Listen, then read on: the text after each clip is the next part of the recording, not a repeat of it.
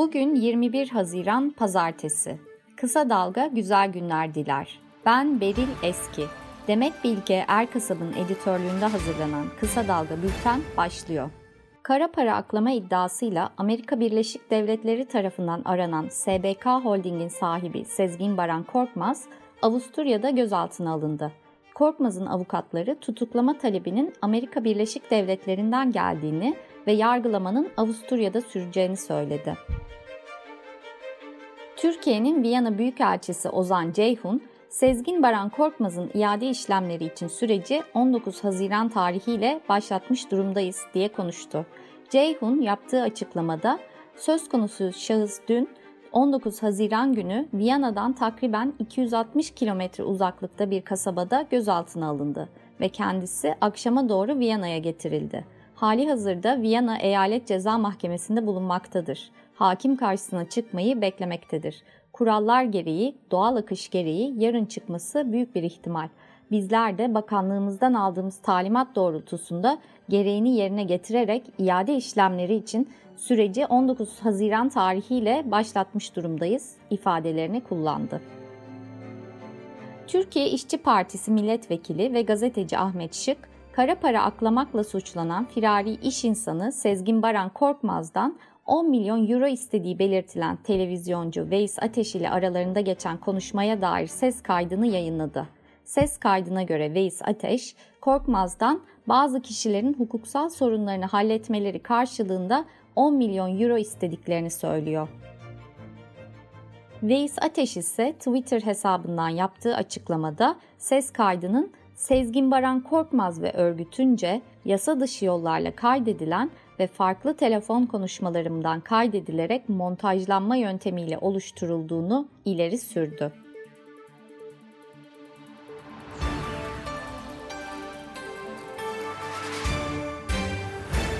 Cumhuriyet Halk Partisi Genel Başkanı Kemal Kılıçdaroğlu, Sezgin Baran Korkmaz'ın Avusturya'da tutuklanmasını Türkiye'deki ilişkilerini hatırlatarak değerlendirdi.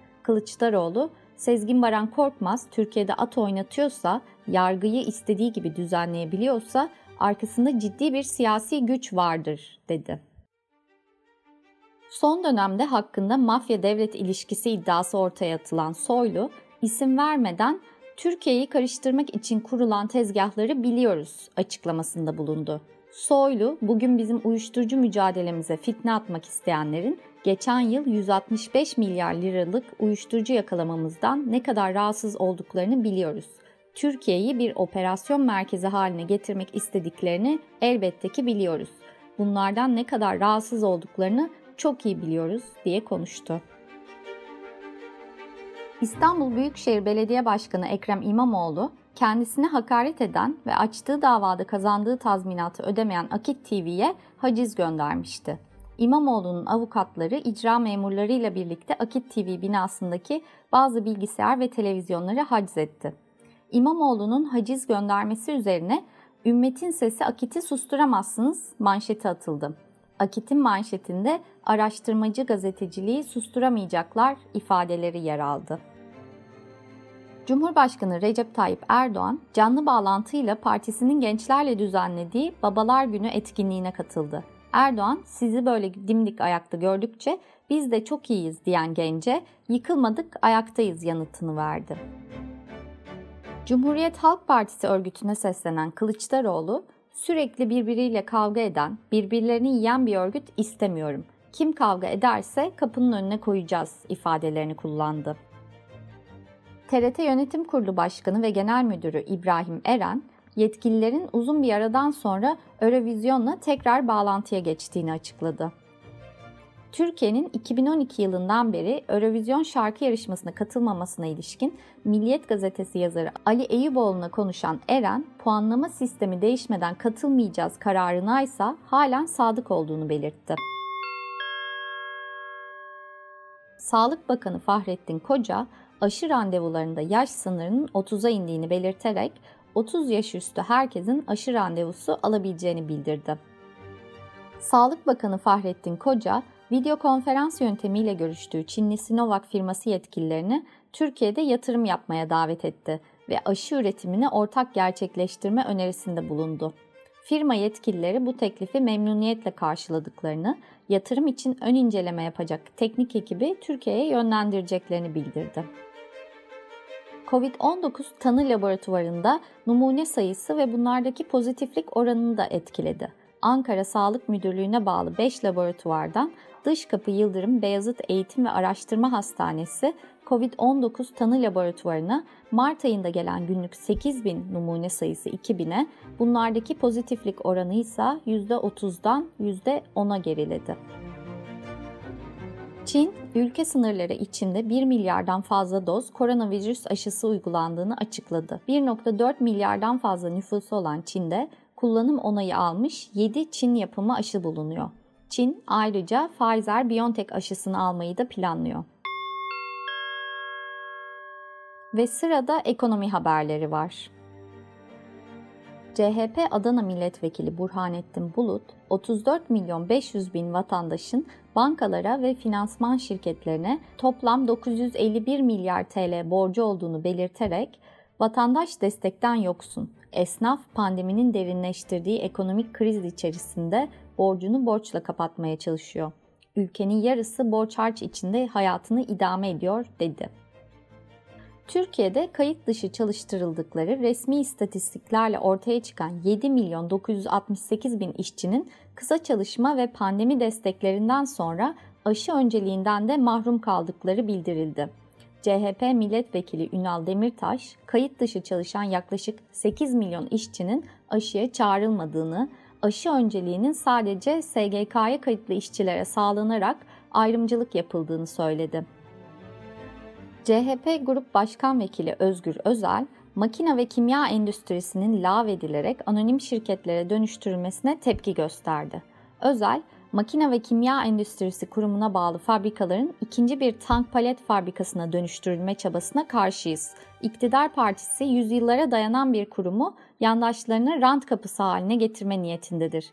Bu teklif Türk Silahlı Kuvvetlerine ve savunma sanayimizin temelini oluşturan Makine ve Kimya Endüstrisi Kurumu'na ihanettir açıklamasını yaptı. Ankara'da Ahmet Hattat tarafından yapılan 35 katlı otel ve alışveriş merkezi için yaklaşık 150 milyon dolar harcandı. Hattat, Areal Bank'e 35 milyon dolar borcunu ödeyemediği için otel bankaya geçti. Dünyadan gelişmelerle devam ediyoruz. İsrail Dışişleri Bakanlığı Sözcüsü Lior Hayat, İran Cumhurbaşkanlığına İbrahim Reisi'nin seçilmesinin uluslararası toplumu kaygılandırması gerektiğini söyledi. Hayat, Reisi'nin İran'ın başına geçecek en radikal lider olduğunu ve İran'ın nükleer faaliyetlerinin yeni yönetimle birlikte artmasını beklediklerini söyledi. Vatikan, Avrupa Birliği'nin kurucularından kabul edilen Robert Schumann'ı aziz ilan etme süreci başlattı. Katolik Kilisesi lideri Papa Francis dün imzaladığı kararla Schumann'ı kahramanca erdemleri nedeniyle mübarek ilan etti. Katolik Kilisesi geleneklerine göre bu aşamadan sonra Schumann'ın aziz ilan edilebilmesi için kendisine atfedilen iki mucizenin kilise tarafından tanınması gerekiyor. Almanya'da federal hükümeti oluşturan partilerin meclis grupları Hamas bayraklarının yasaklanması konusunda uzlaştı. Kararın geçtiğimiz ay Gazze'yi yoğun bombardımana tutan İsrail'e karşı Almanya'da düzenlenen gösterilerdeki antisemitizm nedeniyle alındığı belirtiliyor. Amerika Birleşik Devletleri'nde geçtiğimiz yıl sadece 337 gram ağırlığında ve beklenenden tam 131 gün erken doğan Richard Scott William Hutchinson 1 yaşına bastı. Doktorların ailesine yaşamaz dediği Hutchinson hayatta kalan en prematüre bebek olarak Guinness Rekorlar kitabına girdi. Ve son olarak kısa dalgadan bir öneri. Gazeteci Timur Soykan, Kısa Dalga'da Gerçek Suç podcast serisine devam ediyor. Badeci Şeyh'in Sır Odası kitabının yazarı Soykan, AKP iktidarında altın dönemini yaşayan tarikatlarda müritlerin nasıl dolandırıldığını gösteren çok çarpıcı bir dosyayı açıyor. 3 bölümlük podcast serisinde Allah'ın kendisiyle konuştuğunu söyleyen bir sahte peygamberin tezgahını ve tuzağa düşenlerin hayret verici teslimiyetini dinleyeceksiniz.